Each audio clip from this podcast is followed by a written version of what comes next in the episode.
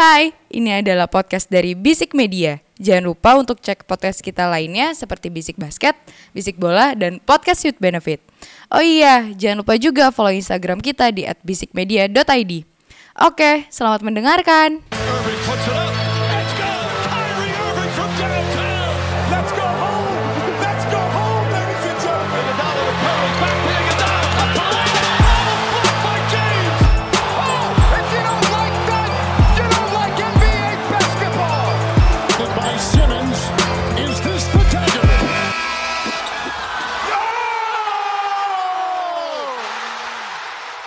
Episode terbaru Bisik Basket, podcast putar basket NBA dan juga dalam negeri yang diulas secara santai sebagai pecandu basket. Candu, candu, candu.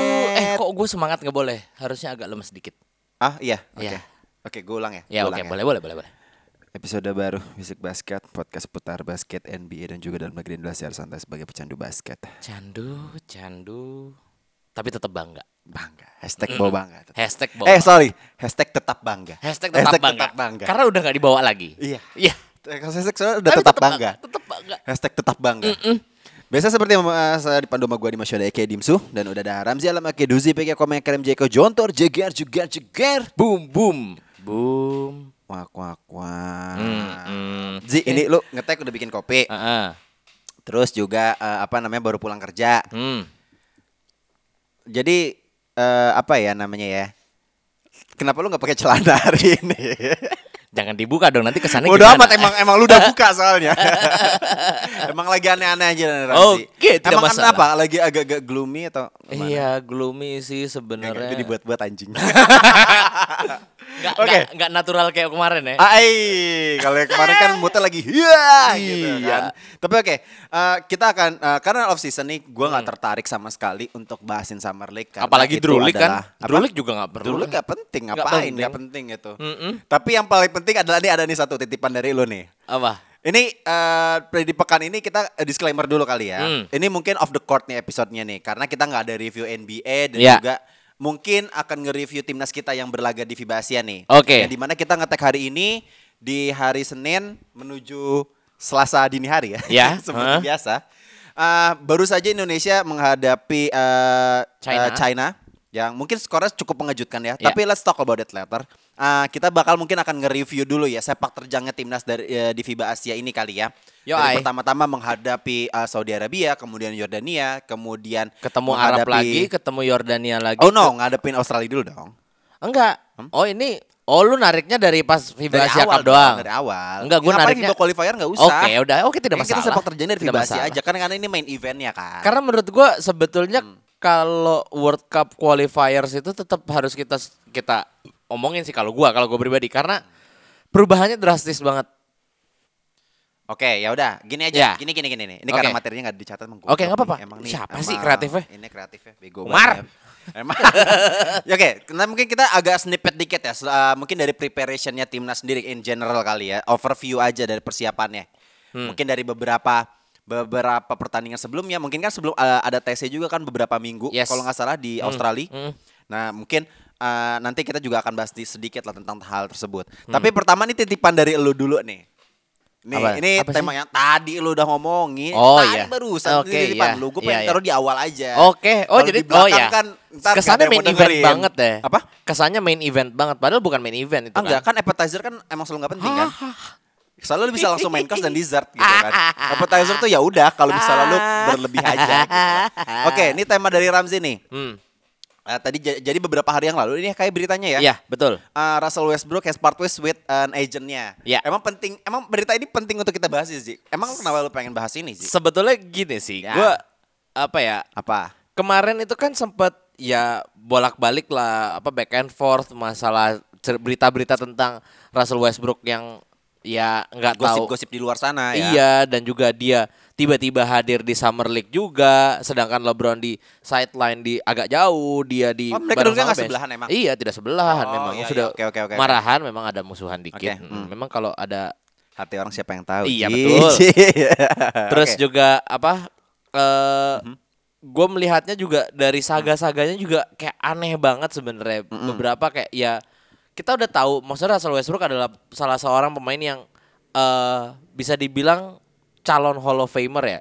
Iya. Gue bisa bilang kayak gitu karena Almost ya, lah. Ya, Eh, chance-nya 75% lah. ya 75% dan ya he has been very tremendous during the Correct me if I'm wrong, dia masuk NBA top 75 gak sih? masuk Masuk, kan? masuk Ya, ya, Hall of Famer guarantee. Iya, dan terus juga apa eh ya dia udah pernah triple double, dia pernah MVP, dia pernah ngebopong eh siapa? eh Thunder dengan Aquaman sendiri berdua Oke. dan maksud gua apa yang menurut menurut lu kenapa sih harus kayak gini gitu loh. Kayak gini, literally kayak gini. Jadi gini, eh, buat teman-teman yang eh, apa ya, yang belum mengerti kondisinya. Jadi si agentnya ini itu mengarahkan Russell Westbrook untuk you need to stay at the Lakers. Ah, cool. You have to stay for the Lakers karena ya lu udah lu percaya aja sama Darvin Ham sama ya kehilangan superiority lu Ya. terus juga ya maksudnya toh Darvin Ham juga kayaknya pengen ngebalikin apa ya confidence lu gitu loh dan dia part ways ini di sini ka lebih ke arah karena ada sesuatu hal yang tidak bisa dinegosiasi Oke. yaitu keinginannya Russell Westbrook untuk pindah Oh, oh jadi ini dari dari lubuk hatinya dia nih. Iya, lubuk hati gitu. Jadi Oke. ibaratnya karena karena mereka udah nggak sevisi, ya. jadi ya udah kayak eh gue tadi sempat nonton juga si siapa Undisputed. Eh, Undisputed sama eh, juntrungan lo itu Skip Bayless. Oh, bukan, satunya lagi si Oh, ini. Shannon Sharp. Shannon? Sharp. Ya. Nah, kayak gue setuju banget sama Skip Bayless sih. Karena, Aduh. Enggak, enggak, enggak. Ntar dulu. Oh, ya, Ntar dulu. oke, oke. Karena gini, Udah kemakan sepertinya. Russell Westbrook itu tiap kali mau di-acquire sama tim, Oke. tim itu harus memberikan several numerous first picks in future untuk mendapatkan Russell Westbrook. Iya. Kelihatan. Washington Terlihat, Wizards Ya. habis, Ya. ya kan? Sudah tidak punya apa-apa. Ya. Eh apa? Houston Rockets waktu itu. Terus juga ke mana lagi sih dia? Hah? Lakers dah, udah, Eh, Lakers, eh, udah. ke Wizard, Wizard, Iya, Wizard. Wizards nggak punya Oke, apa-apa. oke. Udah nggak punya apa-apa mereka sekarang. Nah, lu kalau misalnya lu pindah lagi nih, ini akan menjadi perpindahan keempat dalam empat tahun. If I'm Pindahan mistaken. keempat dalam 4 tahun. Oke. Jadi in eh, dalam span waktu tersebut Iya. satu tahun dia pasti pindah tim. Iya. Oke. Dan menurut gua ini tuh kayak gua masih setuju sama eh, mantan agentnya ini sekarang bahwa ya you have to stick at the Lakers gitu bahwa lu lu harus bisa nunjukin bahwa ya lu bisa gitu loh dan lu bisa jadi performa diri lu yang terbaik tanpa jadi backbone-nya gitu loh Yap, kasarnya yap. dari sebuah tim. Kalau lu dari lu gimana? Tapi gini, eh, dari isunya Westbrook sendiri, gue lebih melihatnya dari mungkin dari performanya si Westbrooknya sendiri ya. Yes, yes, yes. Kalau misalnya kita bisa lihat bahwa eh, di tahun ini pas dia pindah ke Lakers adalah salah satu performanya dia kalau bisa gue bilang adalah yang terburuk sepanjang karirnya dia mungkin. Setuju. Karena kalau dari points per Setuju. gamenya dia kalau dia tuh di musim ini nggak nyampe 20 points per game, cuma Oke. 18 something lah. Russell Westbrook, heeh. Da- Ya, despite of Russell Westbrook, I, I don't care lah maksudnya. Hmm. Menurut gue malah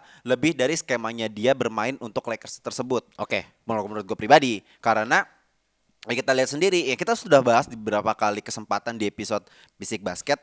Eh, skemanya Vogel waktu itu untuk Lakers musim kemarin kan selalu berganti-ganti ya. Mungkin Yes, itu masih yes. men- mencari pencarian eh, ini skema yang tepat kayak gimana sih untuk Lakers gitu Ya. untuk menempatkan tiga superstarnya seperti apa gitu loh. Karena untuk LeBron dan AD sendiri kan it works gitu loh kan. Ya. Tapi ditambah dengan satu superstar seperti Russell Westbrook yang harusnya bisa melengkapi tapi tapi tidak ternyata kan nggak nggak nggak works gitu loh. Ya. Makanya alhasil ya gua gue juga mengerti kenapa Russell Westbrook beringinan pindah karena dia pa- pasti ingin mencari temnya sendiri seperti apa. Dia pengen jadi kalau yang gue lihat ya, dia Ya. pengen menjadi ya kembali sebagai sig alfanya malah bukan alfanya lagi malah sigmanya kayak kalau menurut gue sih. Malah Oh, dia oke. sebagai ininya. Cuman untuk agentnya sendiri ya mungkin dia melihat prospeknya ke depan. Iya. Eh kan pasti kan pasti kan maksud gua kayak eh, apa namanya agent kan pasti melihat lu harus seperti ini karena buat karir lu untuk development kayak gini gini gini gini gitu loh. Yes. Karena kalau misalnya dia untuk stay tetap di Lakers mungkin ya dengan coach baru, jajaran pelatih baru, kemudian juga waktu satu tahun udah menjadi waktu yang belajar lu kegagalan di musim kemarin yang di mana mungkin di musim depan ya kita tahu LeBron dan AD akan menjadi lebih fit lagi. Yes. Khususnya AD yang kan yang musim kemarin mungkin uh, game- Spa- minute plays-nya sangat sedikit Yap. gara-gara injurinya dia dan juga LeBron mungkin juga lebih belajar lagi untuk bisa ngejust bermain bersama Russell Westbrook seperti Ya. apa. Kalau menurut gue itu sih makanya tapi balik lagi ya ya player power ya tentunya Iya, ya. iya, Dia dia iya. yang tahu seperti apa untuk keinginan dia sendiri sih. Tapi ya kalau misalnya dia harus bertahan di Lakers, dia harus nge-adjust dirinya sendiri, harus bisa menurunkan menjadi beta ataupun menjadi ya at least third scoring option lah, third Ya. guy-nya lah. Ya. Kalau misalnya emang pindah ya oke Kyrie masuk aja ke Lakers ya. Oke, nggak karena gini, sejujurnya gue sangat setuju Ya. sama eh, si mantan agentnya ini. Dia bilang, now with a possibility of fourth trade in four years, the marketplace is telling the Lakers they must add additional value with Russell in any trade scenario. Ya oke. Jadi lu Russell Westbrook sekarang udah nggak ada harganya nih di pasar nih, kasarnya gitu. Wow. Dan and For even an then, former MVP ya. Iya. I mean it's a huge ah. Yeah, huge loss lah. And even then, such a trade may require Russell to immediately move on from the from the new team via buyout. Hmm. Karena kan correct me if I'm wrong, dia terakhir kalau nggak salah dia restricted free agent untuk player option dan, dan dia opt in kan. Iya. Makanya itu eh, kal- mungkin mungkin saran gua adalah eh, untuk mungkin untuk kebaikan bersama nih kalau menurut Iya. gua. Iya. Gua nggak tahu dia masih bisa eh, eh, resign lagi dengan ngambil opt-innya dia dengan player optionnya kalau nggak salah 47 juta yang Iya, di mana iya, iya. Empat- 43-an. 43 47 Hmm. yang di mana dia bisa eh, dia menjadi salah satu pemain termahal di NBA untuk gajinya musim ini gitu Hmm, loh. hmm, hmm. Atau mungkin harus lo harus ngambil langkahnya Harden yang di mana eh, lu ngekat gaji lu, eh, eh, lu nggak ngambil eh, opt in lu untuk eh, player option restricted free Tapi agent kan ya. udah tanda tangan. Oh udah tanda tangan ya? Jatuhnya udah tanda tangan dong. Ya sudah, Sus- sulah, susah. makanya makanya the only thing sekarang yang harus bisa dilakukan sama Russell Westbrook adalah ya lu harus buy out gitu loh. Oke. Masalahnya gede banget kan, Bos. Yep, yep. Kalau kalau kalau Gitu. kalau misalnya buyout kalau menurut gua ya it's gonna be a huge advantage for Lakers untuk Iya, Tapi iya. gue masih ya, menyesali ya keputusannya Lakers. Kenapa lu harus nge-trade untuk Russell Westbrook instead of DeMar DeRozan lu ngambil untuk dia itu sih. Ya Iya. itu aja sih penyesalan kalau menurut gue pribadi ya as a ya ngelihat uh, NBA as a whole khususnya untuk Lakers sendiri Hmm. Oke. beberapa musim terakhir Nah, kayak gitu. sebetulnya ada juga solusi yang paling mendekati ya. Yaitu? Jadi ini three team trades. Oh lu udah pakai trade, trade machine lagi enggak? Gua gua enggak pakai gua enggak pakai trade machine nih. Gua enggak pakai Ya, trade machine. Ya. Karena Nih dari imajinasi lo aja. eh imajinasi netizen-netizen Dan Amerika. keinginan subjektif lo. Bukan. Oh ya. Keinginan subjektif ada sedikit memang, Aha, aha, ya kan? aha. Tapi ini eh, iming-imingnya kayak gini lah. Eh satu-satunya yang ke berkemungkinan untuk ngambil Russell Westbrook yang paling dekat itu adalah trades-nya bersama sih. Brooklyn Nets dan Spurs. Spurs, eh, Spurs masih ada aset emang. Eh, nah Spurs itu ngasih eh dapat Russell Westbrook, Kyrie nanti dapat di Lakers. Nah nanti eh, untuk yang picks apa eh, playersnya itu dari Oke. dari Spurs tuh banyak, Hmm. gitu masih masih bisa ada ada memungkinkan dari salary cap segala macam tuh sebenarnya masih mem- paling memungkinkan kalau kata Hmm. Jadi Westbrook ke Spurs. iya Westbrook ke Spurs, Kyrie ke Lakers. Eh Mengingat Spurs juga mau, udah mau tanking ya. Iya dan Dan juga kontraknya eh, Russell Westbrook kalau nggak salah tinggal setahun lagi. Hmm, Kalau misalnya dan- dia ambil opt in ini. Dan menurut gue itu paling memungkinkan karena ya kita lihat aja Dejounte aja dibuang, maksudnya lepas Kita udah gitu bahas loh. di di episode lepas kemarin, gitu ya. kan. Ya menurut gue itu paling memungkinkan sih. Oke, oke, oke. Gitu. Lagi pula juga Russell Westbrook sisa satu tahun doang kan. Ya. Maksudnya ya lu masih bisa punya apa ya? Lu biarkan satu musim ini loss, abis itu udah musim depan lu cari ini lagi gitu loh. Sembari nyari tem lu dan Hmm. eh, apa namanya? eh, membalikan performa lu dan kepercayaan diri lo kali ya, dan musim depan Russell Westbrook akan mendapatkan minimum veteran. God damn. Oke, eh, ya seperti biasa gue selalu bilang untuk menyudahi topik-topik yang kayak gini gue bilang semoga Mas Russell Westbrook baik-baik saja. Iya. Kan? All the best buat Mas All the Russell. best buat Mas Russell. Karena kita udah berapa episode ini temanya selalu Anda. Ada andanya. Anda ini memang aduh gue mau ngomong problematik tapi udah nggak hype nggak hype hype lagi ya. Eh, Oh ya? ternyata lagunya Anda tentang seseorang tuh tentang Russell Westbrook ternyata. Balik lagi ke tema itu gue gak tahu itu episode berapa. Oke, let's talk about uh, review yang tadi kita udah bilang di awal. Kita Yo, akan ay. ngomongin timnas Indonesia. Yoi. Sebelumnya seperti yang tadi udah kita uh, diskusikan sama gua sama Ramzi. Oke, uh, kita mau nariknya dari mana dulu nih? Mau dari awal-awal FIBA World Cup ke qualifier kah? Atau dari beberapa Qualifier oke kayaknya seru.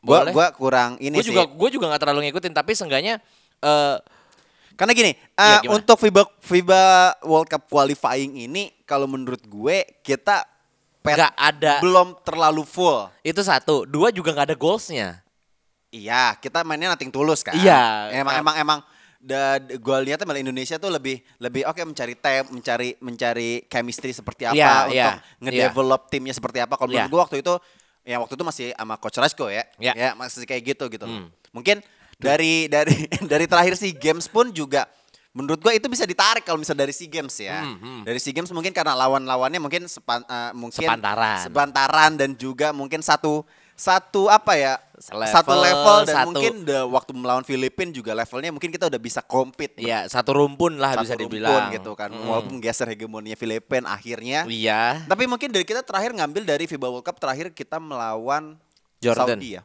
Jordan. dulu Terakhir kan tuh terakhir Jordan. lawan Saudi sama Jordan kan iya ya kan tapi sebelumnya preparation ya kalau menurut gua Yang pas di, di Aussie ya? Australia Mm-mm. itu walaupun mungkin gua nggak gua nggak tahu ya karena nggak nggak terlalu di Di-expose banget, di-expose, mm. maksudnya Karena seperti apa kayak gitu gue tuh dari empat pertandingan tiga kali kalah satu menang deh kalau kalau nggak salah ya empat pertandingan aja Empat ya pertandingan bukannya, aja. bukannya enam atau tujuh ya gue lupa pokoknya ya pokoknya ada seingat gua di beberapa game awal itu dua Iya, kalah semua. itu beberapa kalah dan uh, huge terakhir gap. terakhir baru kalah Ya baru kan? menang Iya terakhir kan? baru dan baru di di tengah game atau di akhir tuh baru dapat bisa ngambil kemenangan gitu. Hmm. But itu juga menurut gua itu bagus karena kita bisa mendapatkan experience untuk menghadapi tim-tim yang size lebih besar daripada kita. Iya Ya betul kan? setuju Ya kan? Karena gua waktu eh, kemarin di kalau nggak salah di FIBA eh, eh, qualifying juga kita banyak banget menghadapi tim tim Timur Tengah. Mm, Yang mm. di mana Ya. menurut gua secara size itu juga bagus banget. Yang Iya di mana yang gamenya ketemu Lebanon kan ya ketemu Lebanon. Iya, ke Fiat itu.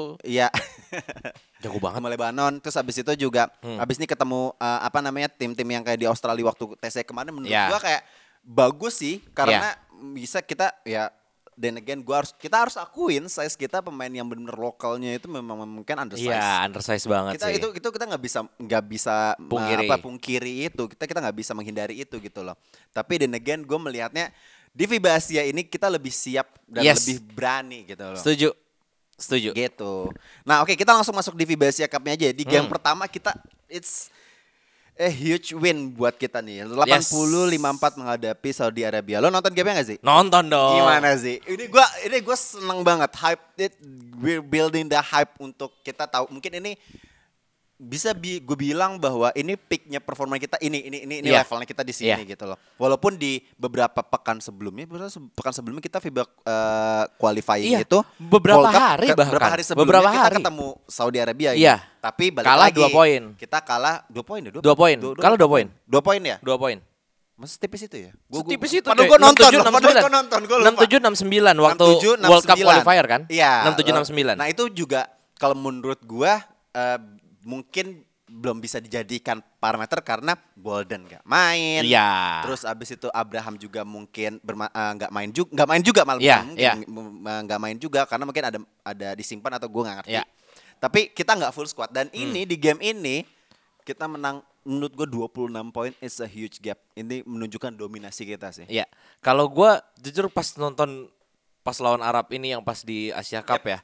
Gua bener-bener sampai gua berkaca-kaca karena bener-bener bagus banget cuy mainnya, bener-bener bagus banget. Dan gini, Ini ini perfect. Gue bisa Perfect. ngomongnya game-game pertama ini melawan Saudi Arabia ini perfect. Yes, gua akuin perfect banget. Ditambah juga ya dan again balik lagi, size kita kalah sama orang Timur Tengah. Ya. Jelas. Tapi di game ini coy, paint areanya di bombardir habis-habisan gila banget dan sebenarnya gua nggak mau bilang eh, cuman karena Bolden ya, tapi Iya. emang eh, guna banget tuh Bolden sama Even though dia 32 poin 16 rebound kalau nggak Iya, salah ya. iya. Bolden sama DMX di situ keren DMX, banget. iya. DMX coy. Nah, sekarang namanya DMX ya, Iya. istingkatannya ya. Saverio. Saverio. Gue makan, gue gue sorry ya. Gua, ntar besok dikit gue makan DMX jadi who the hell is DMX gitu. Gue tuh habis ngeliat Derek Michael Zavri. Oh, oke. Oh ya oke oke. Ya, ya, ya, ya. Gitu dan di game ini gue ngerasa apa ya semuanya mengambil pos-pos yang tepat. Gue akuin kayak Bolden nggak terlalu sering nembak tiga. Gue sukanya tuh karena ya pick and rollnya jalan terus, off the ball movementnya jalan terus. Gue terus juga ya gue melihat sekarang tuh kayak Wato nggak seberat itu. Ya. Jawato tuh punggungnya tuh nggak seberat itu. Ditambah juga ya gua nggak nggak bukannya gue mau disrespecting Mr. Prosper ya, Ya. cuman Tadi eh, gue pengen menanyain tentang itu. iya Cuman karena ya, oke, go on. tapi jujur ini s- maaf banget, maaf banget ya Allah, maaf. Mau dipukul lu, Ji. Di Gibeng pusing sih gua. Eh, kehadiran Bolden tuh jauh lebih apa ya? Nah, gini aja mungkin. Versatile. Mungkin mungkin gini aja. Ah, ya, Apa? mungkin gini aja. Uh, what's the difference mungkin Marcus Bolden and Lester Prosper? Karena role-nya mungkin sama kan. Kita butuh big man, kita butuh butuh parameter def eh, sorry bukan parameter uh, rim protector yang Iya. bagus yang di mana kita uh, apa nggak naturalisasi Lester di awal kemudian Bolden datang. Mungkin kita uh, perbedaan dari sisi dari sisi efektivitas dan gameplaynya yang diterapkan aja mungkin. Kalau dari bedanya yang pasti satu agility, agility. Dua adalah eh, defense, oke. Tiga ini masih nyambung sama yang dua kemageran dalam defense. Sumpah Bolden nyet Bolden bloknya berapa anjing? Ya, Enam ya, kalau nggak salah. I mean itu udah setara sama rekornya Chet Holmgren di Summer League. ya Iya kan? Oke. Dan menurut gua Bolden di sini benar-benar nunjukin bahwa oke ini ini gue yang bawa sekarang. Tong Batonnya ada di gue sekarang. Wato udah lu eh apa Play on tinggal the wing, iya wing play on the wing udah santai aja, tenang aja. dan Di- kalau di uh, bawah dan bagian gua. Pras dan uh, Abraham ya udah lu Iya. uh, you, you control the game aja Iya, dan itu yang gue suka banget gimana bahkan beberapa oop-nya juga gue anjir gue nggak pernah ngeliat Indonesia That's main exactly kayak I gitu mean. sih. jadi gini gue melihatnya bahwa uh, ini ini yang gue pengen you nge-utilize Bolden harus seperti ini di Iya. samping dari mungkin dari sisi defense-nya dia juga Bolden nggak nggak nggak nggak nggak apa ya nggak ragu Iya. dan dan nggak lack of defense-nya itu sangat gak ada gitu Hmm, dari naturalisasi yang sebelumnya gitu kalau menurut gue pribadi juga karena karena gua nggak tahu ya kita butuh chemistry untuk untuk klop dengan pemain yang kita mungkin baru bermain cuma sebentar Ya, kan ya, pasti ya. ya. pasti kita bermain basket seperti itu kan gua Ya. nggak tahu lu siapa lu juga Ya. bermain seperti apa kita butuh itu tapi menurut gua dengan proses yang singkat dan juga tes yang mungkin juga cuma beberapa hari menurut gua Ya. Bolden bisa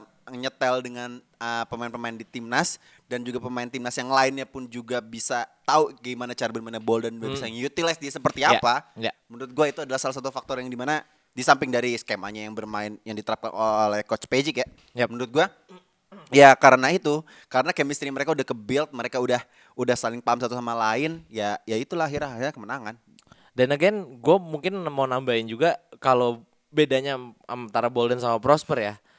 Prosper eh, nggak se-firm itu di bawah. ya but Maksudnya- he's a huge uh, Iya, dia pemain yang besar, bener-bener bukan, besar. bukan bukan bukan maksud gue Betul. maksudnya dia mm, dalam bantu dari sisi uh, scoring juga bagus Gue nggak gue nggak terlalu ngelihat sewah itu sih sebetulnya karena gue masih menurut gua waktu dia di timnas eh, kalau nggak salah di FIBA Asia Qualifier Cup kalau nggak salah FIBA Iya. FIBA Asia Cup Iya. Qualifier kan dia sempat main tuh Hmm. yang yang kalau nggak salah di kita ketemu dengan gue lupa kalau nggak salah Korsel Filipin dia kalau nggak salah dia udah main Iya. tuh lawan, uh, Prosper kan oke. nah itu tuh kalau menurut gua dia tuh udah bisa bisa nyetel tapi ya kalau menurut gua ya eh, itu gameplaynya sih maksudnya Iya. style playnya itu berbeda Iya, gitu. tapi masih lu masih membutuhkan Wato di situ. Iya. Itu, Walaupun concern juga gue tuh butuh itu. adjust dirinya dia juga. Gitu, Karena kan nah. dia baru masuk timnas juga kan. Mm, nah, makanya kalau concern gue di sini adalah Bolden bisa sendiri. Itu. Jadi makanya gue gue ngira dan terlebih dia juga masih muda. Ya, 20 fucking four, ya, man. 24. It's, uh, 24 dan huge. eh, Tapi until 33 dia masih bisa main. masih bisa, masih bisa banget gitu loh 30 dan something masih bisa agile main. banget dan he has career lah di sana. Ya, mm. Dan menurut gua ini worth it banget makanya gue bener-bener awalnya gue awalnya kita kan sama-sama kayak aduh Bolden Hmm. ini nggak ya nyetel nggak ya karena eh, secara chemistry takutnya gimana gitu kan tapi ternyata ya akhirnya nunjukin juga gitu loh dan bahwa apa set playnya dari Mil coach Milos juga bener-bener masuk semua gitu loh despite of the drama before the opening game ya Ya, ya, ya, ya, ya. Oke, di week keduanya kita menghadapi Jordan. Ini ini game yang menurut gua ah, ini tough loss buat kita. Ya. Tough loss banget. Cum cuma 9 poin. Eh, karena di first half-nya kita masih bisa ngimbangin gitu loh. Tapi Hmm. adjustment dari Jordanianya di di eh, paruh kedua menurut gua kita jadi nggak bisa ngimbangin Iya. gitu loh. Eh, mungkin adalah salah satu faktor yang banyak dibilang eh, netizen di luar sana bilang eh, Jordania udah tahu how to lock Bolden seperti apa dan kita jadi Iya. kebingungan seperti mainnya kayak gimana. Dan ya akhirnya di eh, eh, paruh kedua game game ini ya Jor- Jordania jadi ngedominasi. Ya, ke kalau gue sih ngeliatnya lebih apa ya? Hmm. Bener-bener, ya bener banget. Maksudnya mereka udah bisa menganalisa how Bolden plays, how efektif Bolden dan gimana cara mereka ngekatnya. Cuman satu hal yang gue kesel adalah ini kumat lagi. Yaitu Kebanyakan nembak. ya Gue menurut gua gini, attempt-nya tuh terlalu banyak untuk shooting three yang menurut gua sebenarnya nggak terlalu apa ya efektif buat kita. Oke tiga memang lebih lebih dari dua, tapi kalau misalnya dua lebih pasti daripada tiga gitu loh. Kenapa kenapa nggak tiga? Kenapa nggak dua? karena mid mid kita nggak kelihatan. Nah, it, I mean gini, Eh, lawan Arab bisa cu sebetulnya. eh, Dan menurut gua lawan Jordan sebenarnya bisa, cuman eh too much attempt aja kalau buat gua. Karena di sini three point field goals attempt-nya 36 Indo. Pas di game sebelumnya 28. Itu menurut gua eh ini kumat lagi nih kayaknya udah mulai kayak si eh apa front court front courtnya ini eh back court back courtnya ini pengen pengen unjuk gigi juga gitu loh. Oke, I'm Pras bagus banget di game lawan Arab, cuman pas lawan Jordan jadi ketutup banget kan pada akhirnya gitu loh. Dan ya balik lagi untuk masalah size gue nggak akan bisa ngomong apa-apa, tapi mereka nggak efektif mainnya di sini. Gue nggak ngelihat apa ya. Ya emang adjustment di quarter 4 emang bener-bener bagus banget dari Jordan dan menurut gua ya ini nunjukin bahwa di di game ini nunjukin bahwa kita nggak bisa cuman eh, berharap sama Bolden Yap. Gitu. Nah Wato malah lupa, ibaratnya lupa kayak kayak kalau gue tuh bisa step up juga loh gitu loh Ya. kasarnya gitu. gue bisa menjadi the guy-nya di saat yang lain lagi. Kalau di- buntu lewat Bolden ya udah lewat gua aja gitu kasarnya. tapi gitu. Wato di game ini menurut lo? not bad cuman harusnya bisa lebih step up lagi gitu tapi oke.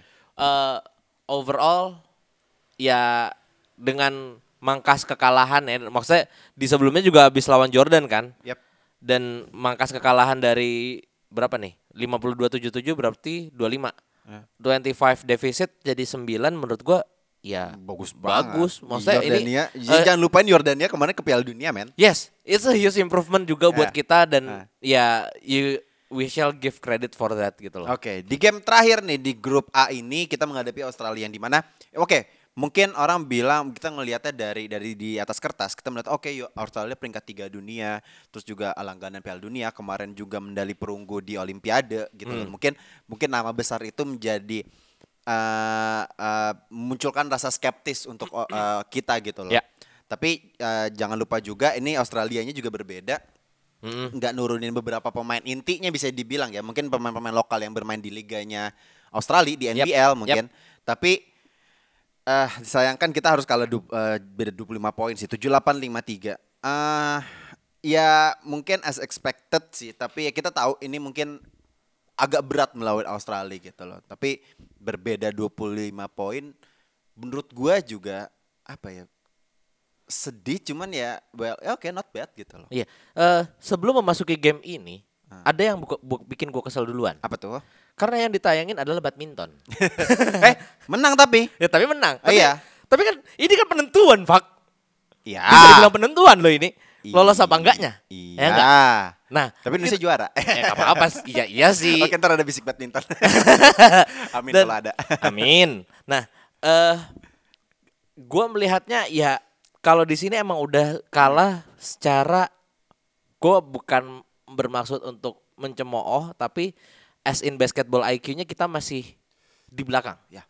Masih Ini- ketinggalan. Ini, ini ini mungkin terlihat dominance of uh, world basketball ini seperti ini. Yes. Makanya ya oke lanjut. Dan buat gua eh jangan berkecil hati kasarnya. Asik banget kata-kata gua. yoi, jangan cocok jadi berkecil hati. Dan Ramzi Teguh. seenggaknya lu kalahnya tuh nggak nyampe 30 plus gitu loh Hmm. dan apa ya eh ya balik lagi Australia udah bagus banget dan basketball IQ-nya dengan tim yang segini aja udah jalan ibaratnya dan Ton Maker juga ya udah nggak ada lagi yang Yang ada button maker. Iya nggak ada nggak ada lagi yang lawan di di Ah, bawah kan maksudnya ya Derek Derek masih muda Ya, he's still Bolden- young. Jadi susah kalau mungkin uh, DMX diberikan Asik. beban, diberikan ya mungkin berat banget maksudnya tumpuan Ya. beberapa menggiat basket pe- penyuka basket di Indonesia tuh berteman oh Derek is gonna be playing in NBA. Man, chill the F out. Ya. Dia masih 20, 19 atau 20 tahun 19, santai 19. aja, 19 tahun santai aja gitu. Ya. Dan sebenarnya kalau misalnya tadi gue bilang masalah basketball IQ itu kelihatan banget dari se- dari seluruh statistiknya ya. Field goals percentage terus attempt semuanya made segala macam semuanya Australia dominan dan yang paling parah adalah turnovers. Turnovers malah kebalik. Indonesia yang dominan. Iya iyalah. Turnoversnya 12 kita. Kalau Australia cuma 4 dan menurut gua ya efektif banget efektif Australia. banget dan juga apa ya balik lagi mungkin apa eh, shot creationnya juga lebih bagus juga. Dan ya balik lagi. Dan again size nya size nya Aussie Australia tuh bukan size nya Asia dalam Iya, hati gua tuh kayak gitu. Jadi kayak Sampai ada yang ya bilang gini, udahlah. eh, di eh, gua ngeliat di kolom komentar di beberapa akun basket ada yang bilang atau kayak di luar deh gue lupa Eh, ini akan FIBA Asia Cup ini ya udah nentuin aja siapa yang akan menjadi lawannya Australia di final nanti. iya lagi iya lagi Tapi ya gini maksud gua eh, di samping ma- Australia masuk eh, FIBA eh, Asia ya, Hmm. regional Asia, menurut gua it's a huge advantage buat kita juga untuk kita elevate our game. Jadi Yap. maksud gua Yap, yap. gua senang banget karena timnas kita itu eh, sekarang levelnya mungkin udah satu satu dua langkah di atas eh, ASEAN mungkin kalau Ya, menurut gua ya, ya. karena kita udah bisa ngalahin Filipina is a huge eh, apa namanya Achievement. achievement, Hmm. dan juga kita juga nggak pernah kalah menghadapi tim eh, tim-tim di Asia Tenggara lain kecuali ya Filipina itu gitu Ya, loh. maksud ya, gua ya, ya setuju. kayak menurut gua ya udah itu loh mungkin kita levelnya udah naiknya dan kita masuk FIBA Asia Cup ini kita menghadapi tim tangguh kayak Yordania dan Australia kan ini kan mereka kan udah masuk Piala Dunia nih ya Ya. kita ngerasain nih atmosfernya pemain-pemain yang eh, tim-tim yang udah masuk Piala Dunia ini seperti apa Iya, kayak gitu iya. loh dan juga balik lagi untuk game 9 Australia ini ya mungkin tough loss sih nggak kayak lawan Yordania tapi Iya. kita at least tidaknya realize bahwa oh ini level Piala Dunia tuh seperti ini loh Iya. level tim kualitas dunia tuh seperti ini kayak gitu Tapi gue mau take satu kredit bahwa eh, free throws-nya di Indonesia bagus di sini. Hmm. Dan mereka menyadari bahwa oke, secara secara apa namanya? eh field goals atau segala macam secara basketball IQ segala macam mereka kalah tapi mereka tahu gimana caranya untuk mendapatkan poin Ya. melalui free throws dan Betul. men- menurut gua men 93,8 persen loh free Ya. throws-nya itu Hmm. menurut gua bagus banget gua akuin maksudnya as a team yang ya as Indonesia gitu loh b- bagus banget menurut gua dan mereka bisa utilize itu itu sih Oke.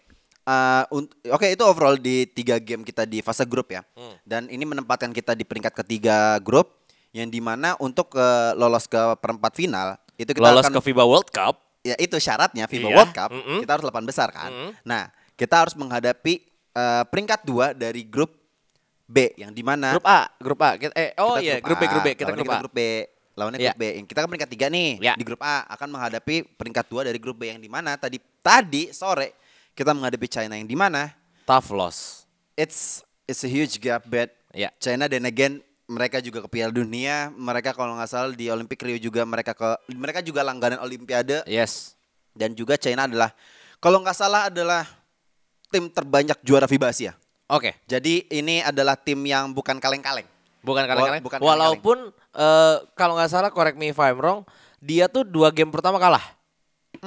Dua game pertama kalah, satu game terakhir iya, menang. Iya, mere- eh, mereka tuh kalah lawan Chinese Taipei. Ya.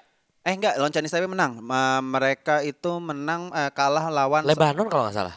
Eh, Eh, bukan bukan. No no no no. Mereka tuh menang eh, kalah lawan Enggak, mereka kalah tuh cuma sekali sih. Kalah Lawan, sekali. ya? lawan K- K- eh, Korsel. Mereka kalah lawan Korsel. Lawan Korea Selatan. Oh iya, lawan kali. Bahrain mereka menang tapi tipis. Iya. 7980 melawan Iya. Bahrain dan kemudian lawan Chinese Taipei beda 15. Oke. Nah, eh, mereka di peringkat dua makanya peringkat peringkat dua makanya dia menang dua kali kan. Yes. Eh, kalau menurut gua di game ini ini terlihat ini lebih terlihat lagi dominannya tim-tim level dunia tuh udah sangat terlihat gitu. Iya. Ini ini mungkin dari segala ya. aspek kalau menurut gua pribadi ini benar-benar kita terlihat bahwa kita harus banyak yang di-adjust, harus di-improve, Hmm. tapi balik lagi ini adalah bekal yang bagus banget buat kita sih. Ya, gue suka cukup suka dengan eh, statistik di quarter ketiga di mana ki- kita bisa menang. Mulai pede ya. Ya mulai pede ya 23-18 di quarter ketiga menurut gua cukup oke lah seenggaknya kita bisa ya I know Sorry, best- 2318 ini apa? di quarter ketiga Oh, dominan poin. kalau kosong-kosong quarter ketiga Iya. Indonesia 23 China 18 menurut gua ya walaupun memang eh, basketball Karena di itu eh, di first half juga udah kalah kalau salah jauh udah beda 30. Iya, udah jauh dan maksud gua seenggaknya kita pernah memberikan perlawanan di satu Nah. quarter gitu loh dan itu cukup menyulitkan dan ibaratnya gini. Basketball itu kalau misalnya gapnya udah mulai kepotong, itu kan mulai berasa tuh. Nah, itu Walaupun seenggaknya jauh ya. Hmm, walaupun jauh, tapi seenggaknya udah mulai ada deg-deg sernya dikit Hmm, gitu loh. Dan itu yang menurut gua eh gue juga cukup harus eh, gi- takes credit juga. Hmm. Dan dan again balik lagi free throws-nya mereka juga ya bagus gitu loh. Maksudnya ya dari size juga udah kelihatan banget beda jauh kan. Terus eh, Eh, FYI rata-rata I think height-nya pemain China untuk di FIBA Asia Cup ini 197. ya begitulah FYI aja, FYI ya. aja ya.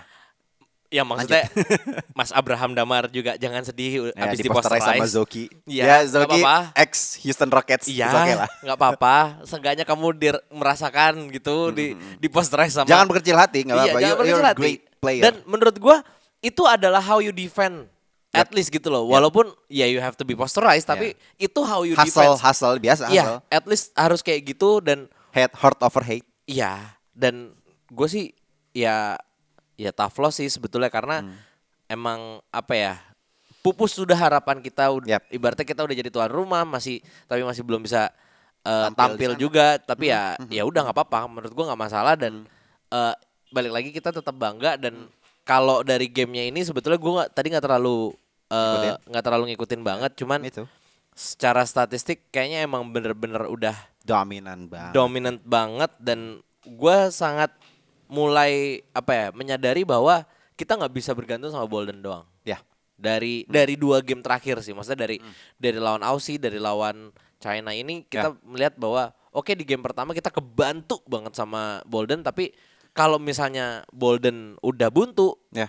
what should we do Ya. itu Mungkin lebih ke ini, eh, berikan skema eh, gimana kalau Bolden nggak ada di lapangan. yes yes Bolden nggak di squad. Mm-mm. Eh, harus ada eh, skema yang di mana dan mungkin mungkin gini nggak ada Bolden terus juga nggak ada DMX. DMX kemudian maybe Jawato juga kita harus juga nyari wing karena kita nggak bisa ngandelin Juan terus juga ngandelin eh, Arki yang di mana Yes, mungkin Arki udah- mungkin udah udah udah Dan- udah ini ya nggak nggak nggak mungkin nggak akan lama lagi di timnas gitu loh ya udah agak gue melihatnya uh, no offense but is oke Offense. mungkin mungkin mungkin ya mungkin offensive foul Ramzi mungkin uh, Mas Arki ini gue gue melihatnya bahwa Arki dibawa buat uh, secara mentor. iya mentoring terus juga uh, ya he's a veteran juga Ya. kan dan tapi menurut gue uh, ya nggak apa-apa sih uh, Arki dibawa mungkin maybe this is the last for him gitu loh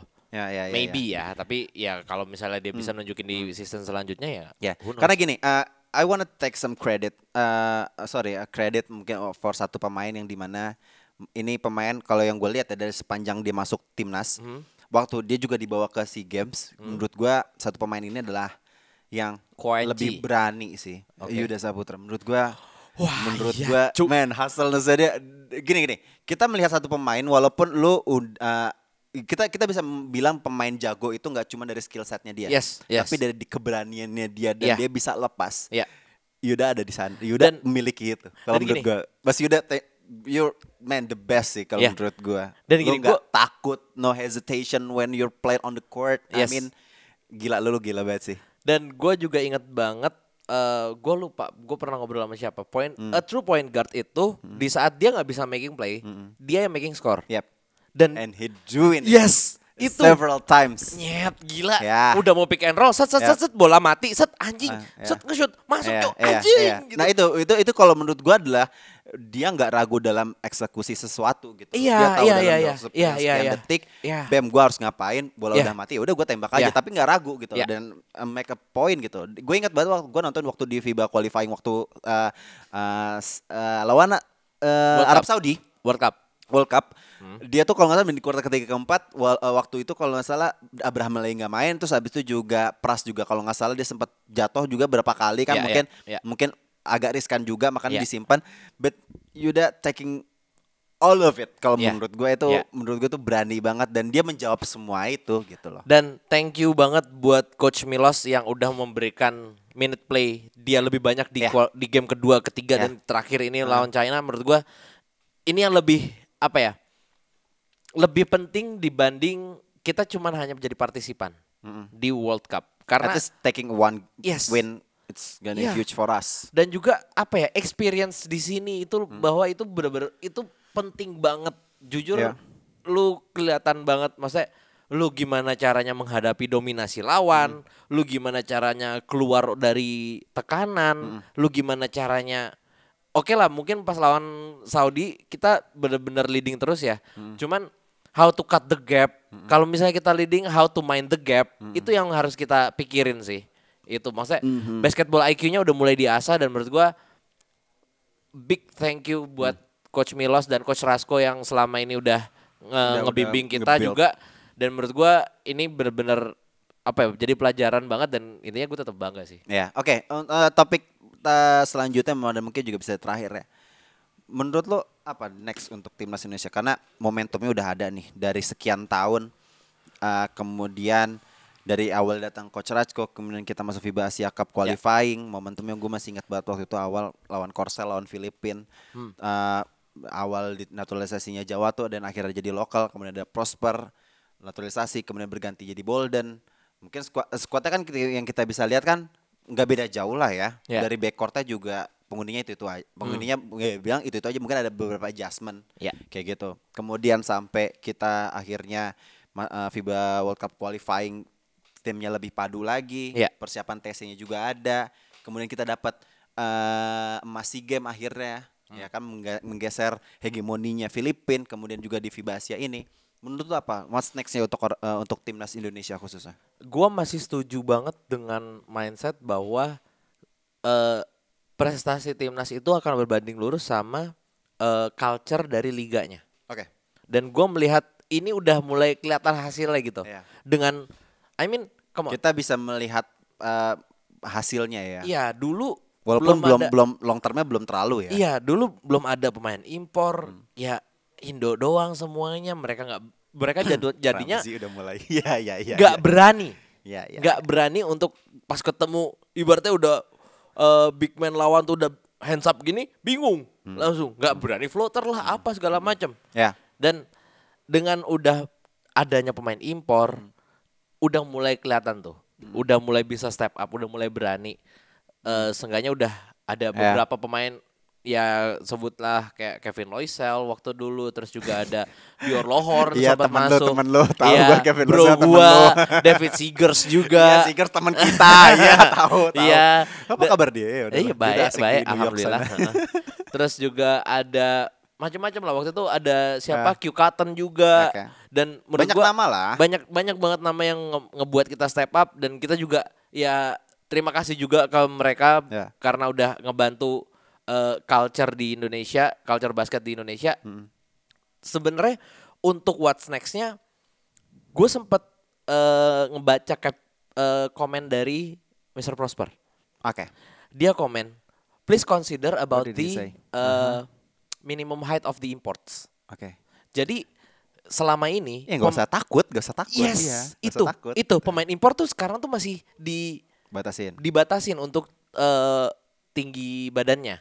Tapi Kalau nggak salah kan, kalau salah dua ya, yang boleh di atas 200 atau enggak Ya. 190. Ya. Satu, ya kan. Iya, Itu. iya. Masih itu ya? Di- masih kalau nggak musim ini salah, ya? Oke. kalau nggak salah masih. Dan eh sebenarnya di satu sisi gua pun juga ngerti maksudnya eh dari liga, dari perbasi juga nggak mau langsung apa ya, bener-bener langsung massive change gitu dengan masukin impor yang seenak jidat gitu loh. Karena menurut gua ini step by stepnya tuh udah bener banget apa yang dilakukan sama liga sama sama perbasi gitu. Iya.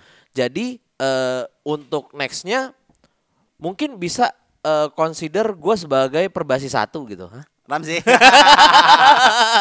Enggak lah, enggak lah, tidak mungkin. ini ada lawan nih. Tidak mungkin. Ah, baru denger loh, Tidak denger loh. mungkin, tidak mungkin. Iya, iya, lanjut, lanjut, terus. Bos Erik mungkin ah. Eh? enggak, enggak. Tapi maksud gua apa yang sudah dilakukan tuh udah ber, langkahnya udah tepat dan Ya. menurut gua liganya tinggal diperbaiki lagi, perbanyak lagi tim yang ada di Ya. IBL. Kalau bisa ya kalau misalnya mau step up lagi ya jauh itu maksudnya punya divisi bawah-bawahnya juga gitu loh. Oke. Maksudnya ya I mean eh anggaplah ada 10 tim di IBL gitu. Ya 10-10-nya akan ada di kasta tertinggi IBL gitu loh. Dan nggak ada yang turun kasta, nggak ada yang naik kasta. Dan menurut gua itu menghilangkan dalam tanda kutip sisi kompetitif Ya. dari tim karena kayak ya udah gua kalah juga nggak akan turun gitu loh kasarnya. Ya. Nggak ada yang mereka kejar, even mereka di bawah, ya udah mereka nggak akan ngejar sesuatu Karena yang gitu. penting loh. industrinya. Mm-mm. Oke. Dan eh, balik lagi juga, gue lihat apa ya, eh as in sports di Indonesia juga lagi emerging banget. Nggak cuman bulu tangkis doang dengan munculnya waktu itu mungkin ada minion segala macam terus juga eh, siapa yang udah kok meninggal udah udah gantung raket siapa Gracia Liliana Poli. Nah, Gracia Poli terus juga Nasir juga udah pensiun Lilian sih. Nasir juga maksudnya itu kan ya kita udah tahu lah maksudnya bola juga lagi emerging juga sebetulnya Iya. nah basket nih bisa banget sebenarnya bisa banget untuk naik dan ini adalah momentumnya dan menurut gua ya keep being di Momentum. ah, iya keep, keep keep the momentum aja dulu Oke, oke, Gitu gini, sih. gini. Kalau dari gue sebenarnya, aduh banyak banget. Nah. Kita kalau misalnya off the court, kalau ngomongin timnas tuh banyak banget untuk Oke. keluhan dari kita gitu. Loh. Tapi mungkin setelah Vibasia ini ya, gue lebih banyak senangnya dan makanya dari awal tadi gue lebih banyak untuk eh, memberikan hal-hal yang positifnya kita karena Ya. memang banyak banget hal positifnya di samping dari negatifnya untuk perkembangan timnas kita sendiri. ya Satu adalah tadi yang sudah sempat lo bilang mungkin dari SD eh, apa namanya dari liganya sendiri Hmm. yang menurut gua udah makin banyak lagi tapi eh, yang disayangkan adalah mungkin hanya terpusat di satu satu dua pulau aja yang punya Ya, tim. ya, kan? betul, Kita betul, belum mas- eh, oh, ada tiga di Papua yang baru ada kan? Ya, NSA Mountain Papua, Gold. ya, terus kan? Itu juga- juga eh, Bumi Borneo. Bumi gitu Borneo. Terus ada Bali United Yap. yang mungkin Bali United eh, industrinya juga udah udah Ya. membuat tim eh, manajemen yang di mana udah lebih ke industri.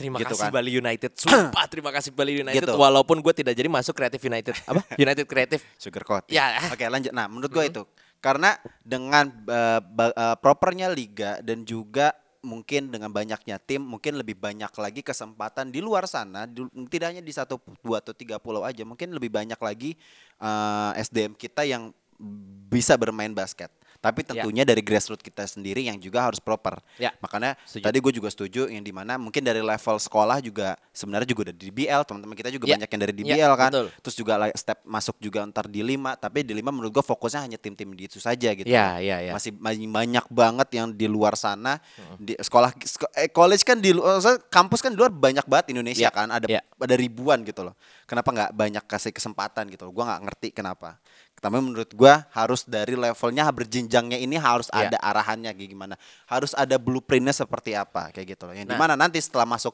uh, masuk uh, dari dari kampus masuk ke profesional itu lebih proper lagi kalau menurut gue itu. Yang kedua adalah dari momentum kita ini gue berharapnya bahwa uh, harus ada kontinuitas untuk generasi muda kita. Kita udah dapat Oke. uh, Derek Michael, kita udah mungkin uh, udah ada Arigi dan juga beberapa pemain muda kita banyak yang udah terlihat secara fisik udah bagus, tapi mungkin kesempatannya belum ada. Tapi ya buat kita buat kita amini bahwa sebenarnya banyak di luar sana yang lebih bagus gitu loh. Iya. Gitu loh. Mungkin dari si gini, kalau misalnya emang dari size kita nggak bi- kalah, tapi kan kita masih bisa dari skill set dan banyak juga yang kita bisa ambil bahwa eh, pemain-pemain kita. Ya balik lagi tadi yang dulu ngomongin tentang basketball IQ menurut gue itu bisa dilatih dengan development dari pemain-pemain kita gitu loh. Ya, Ya. d- da- intinya dari gue sih adalah jangan lepas momentumnya. Hmm. karena basket akan ada terus. SEA Games juga kalau nggak salah 2023 ya tahun depan ada SEA Games lagi. Ya. terus juga mungkin nanti ya mungkin kita nggak bertampil di Piala Dunia walaupun as a host tapi kan kita masih ada FIBA FIBA Asia lagi tahun de- empat tahun Ya. lagi kan masih ada gitu loh. Ya. Mung- Jadi ibaratnya gini aja. Intinya adalah bikin eh, state kita tuh titik kita tuh di Asia aja. Jangan jangan Ya. mundur lagi balik ke Asia Tenggara gitu loh. Ya. Men- Karena kita sekarang titiknya tuh udah di di Asia. Tetap jaga momentumnya, elevate eh, skill set kita semuanya dari seluruh aspek menurut gua kalau misalnya itu bisa ya hasilnya kayak gini kita udah Ya. bisa berkompet di Asia Ya. kayak gitu. Nah, gue boleh menyanggah yang nomor satu lu nggak? Apa? Yang about jenjang-jenjang itu. Apa tuh? Lu eh, sebenarnya concern lu adalah jenjangnya itu jangan sampai lepas kasarnya. Ngerti gak sih kayak dari dari junior, dari level dia call. Dari level sekolah. Sekolah. Karena kan di BL ada dari SMP, Heeh. SMA, terus habis itu masuk college, lima. Nah, menurut gua eh kalau misalnya ini belum saatnya kita untuk sampai situ. Kalau menurut gua. Belum saatnya kita untuk ngurusin juniornya. Oke, karena Top tiernya dulu yang diurus. Hmm. Top tiernya jadi ibaratnya dari atasnya tuh udah sewah itu. Hmm. ya Sekarang masih belum oh, udah wah, tapi belum sewah itu kasarnya. Nah, kita buat atasnya ini top tiernya si IBL ini itu sewah itu dan se apa ya, se precious itu. Jadi bawah-bawahnya nanti bisa ngikut. Itu yang gua yang gua sebenarnya satu-satunya yang pengen gue sangka itu. Teman kalau misalnya yang Gini, gini, gini. yang kedua gue masih setuju banget. Ini. Ya, ya, ya, ya, ya. Iya, Ngerti lanjut, kan? lanjut, lanjut, lanjut, Ya lanjut, udah, lanjut, udah lanjut. gitu aja. Oke. Gini, kalau misalnya gue melihat ini, ini, ini, ini, ini udah lama banget kita nggak berdebat ya, Zia. Karena kita Iya, iya, selalu, yaudah Ji, samain aja. Iya, gitu, iya, gitu. iya, iya. Kalau menurut gue itu it's about priority. Kalau misalnya lu jadi perbasi satu, menurut Ya. gue itu itu prioritas. Ya. Lu pengen bikin di mana industrinya growing dulu, Mm. grassrootsnya belakangan. Iya. Kalau menurut gua bareng-bareng. Walaupun mungkin nggak terlihat timpang, gue pengennya nggak terlihat timpang. Gini gini gini. Oh, gini gini gini. gini. Kalau misalnya industrinya jalan bareng ya. bagus, tapi ntar SDM-nya kayak gimana? Tambahin impor terus ya akhirnya kita bergantung sama impor. Gue melihat tuh Filipina. Oh, Oke, oke, mungkin oke, mungkin terlalu jauh oke. mungkin sama Filipina, tapi itulah contoh terdekat te- tetangga kita yang bagus. Ya. Gini, m- di PBA sana, ini kalau misalnya pada pendengar bisik basket ada yang ngikutin PBA, mereka impor tuh kalau nggak salah nggak ada batasannya. Setahu Oke, gue. oke, Impor oke. nggak ada batasannya. Tapi para pemain Filipin Emang udah itu tuh semuanya tuh bisa compete Hmm. gitu Oke, loh. oke. Nah, makanya menurut, menurut gua ya kita natural, naturalist player dan industrinya kan udah udah bagus nih. Iya. IBL-nya udah bagus nih. Iya. Tinggal yang tadi sudah seperti lu bilang, perbanyak timnya, Hmm. gimana industrinya lebih besar lagi ya kan untuk untuk nge-packagingnya itu lebih Iya, besar lagi iya. seperti apa itu kan concern lu kan. Iya. Nah kalau buat gue pribadi ini harus berjalan seiringan industrinya jalan tapi di grassroots kitanya juga Ya, harus bagus ya. gitu Jangan dilupain intinya Iya, ya. walaupun mungkin kita nggak kayak Filipina yang di mana basket adalah agamanya Iya. mereka ya. Karena Ya. kita ya udah kita harus kita gini aja sih, kita harus harus eh, pragmatis aja gitu loh. Basket ini bukan olahraga nomor satu di kita gitu loh. Tapi kita punya chance untuk di sini. Kayak kayak Ya. gini aja lah basket sama volley. Ternyata kita nggak tahu ternyata olahraga yang di, di luar ya olahraga tim ini kita bisa ber, eh, compete. Iya. Kayak gitu loh. Mungkin juga kalau untuk culture balik lagi ya. Maksudnya ini kalau gue mungkin lebih ngelihatnya untuk eh, kacamata orang awam ya dan lebih Nah. general ya. Harusnya lu nggak boleh kacamata awam, lu udah jadi pengamat. Nggak mau. Ya udah oke. Ya. Subjektif lagi. karena Ya, saya karena ya. saya bukan berbasis satu. Iya ya, dari point of view lo sebagai kacamata awam ya.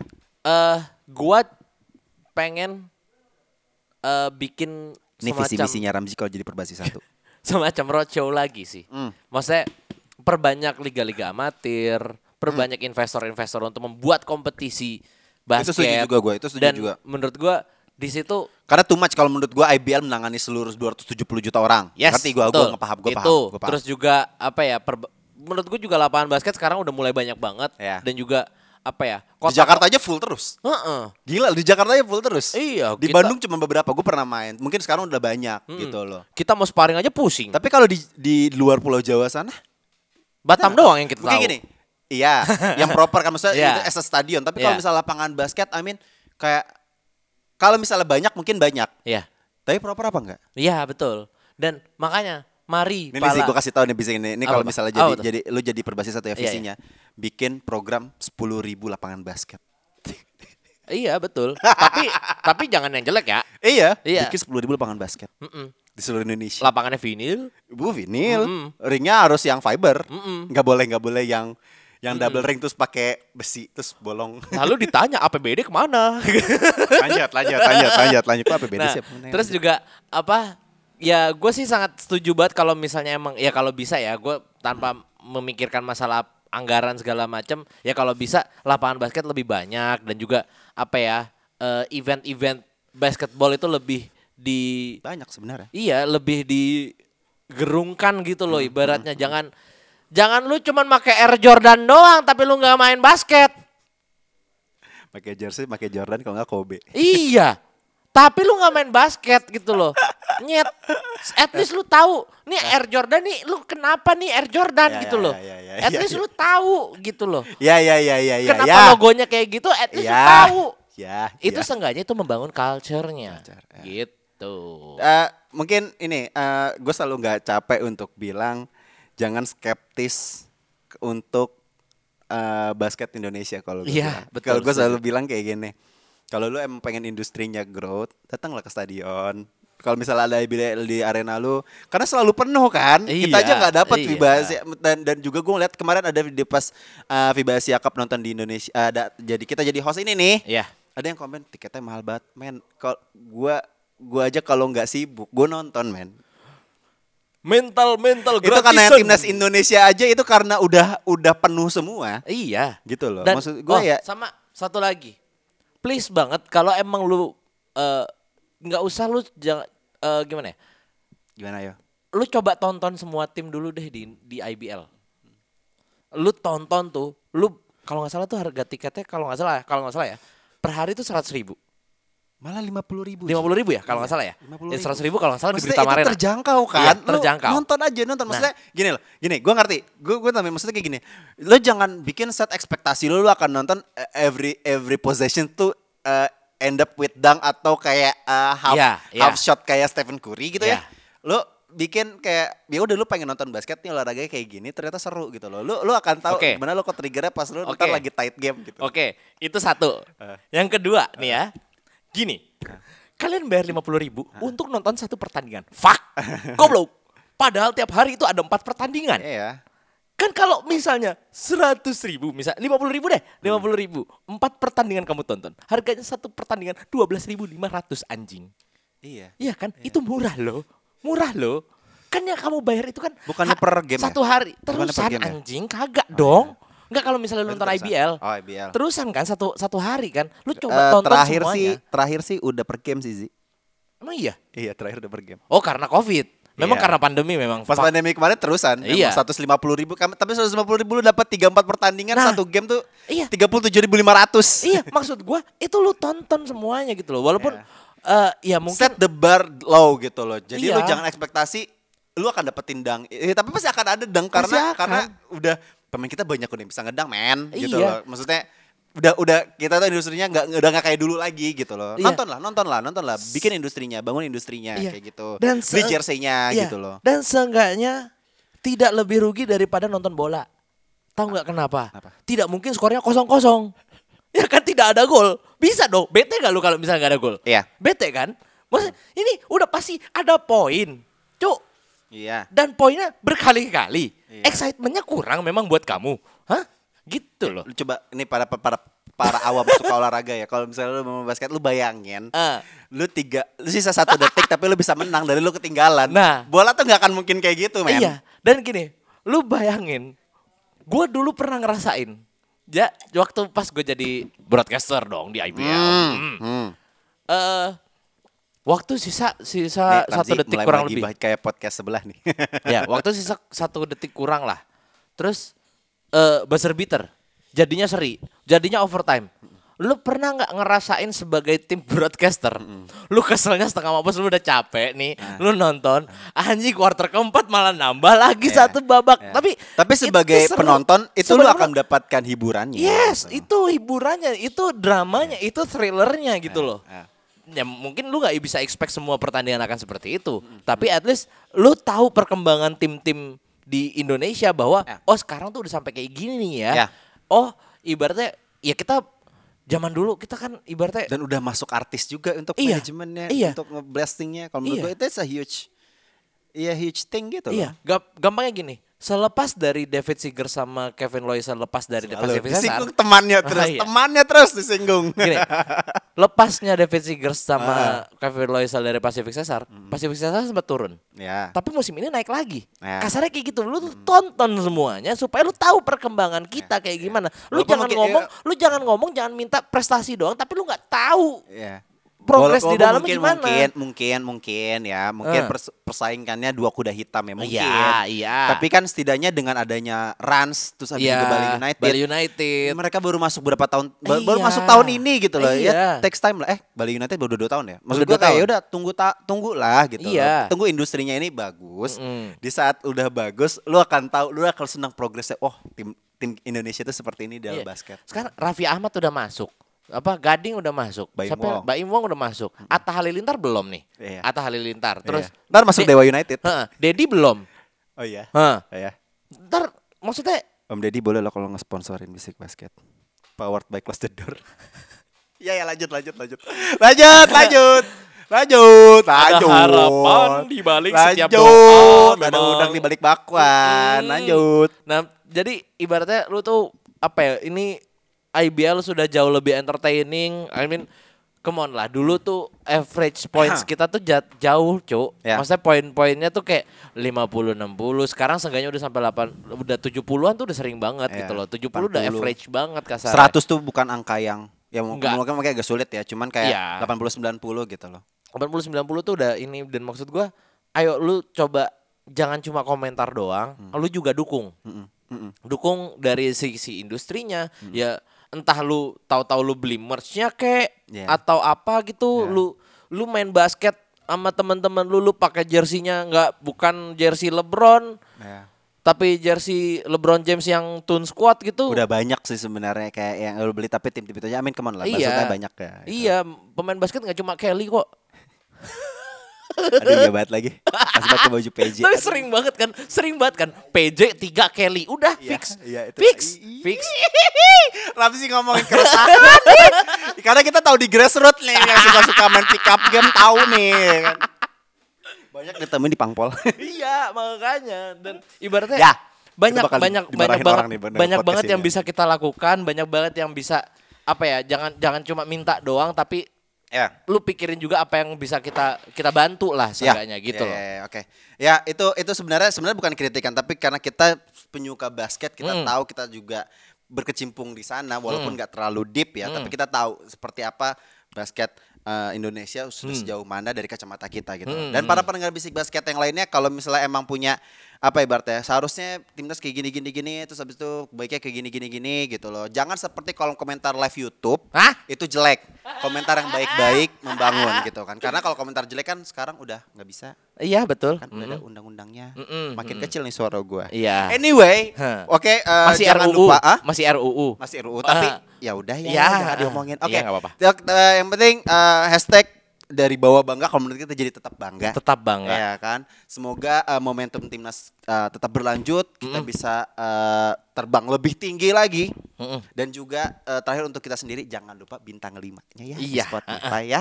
Kalau gue mungkin hashtagnya diganti tetap bawa bangga. Tetap bawa bangga. Jadi momentumnya berlanjut iya, terus ya. Batonnya tuh dibawa terus. Betul, gitu. betul, betul, Mantap. betul. Oke, sekian aja dari off the court eh, kali ini. Gue Hmm, Dimsu. Gua Ramzi. Signing out. Bye.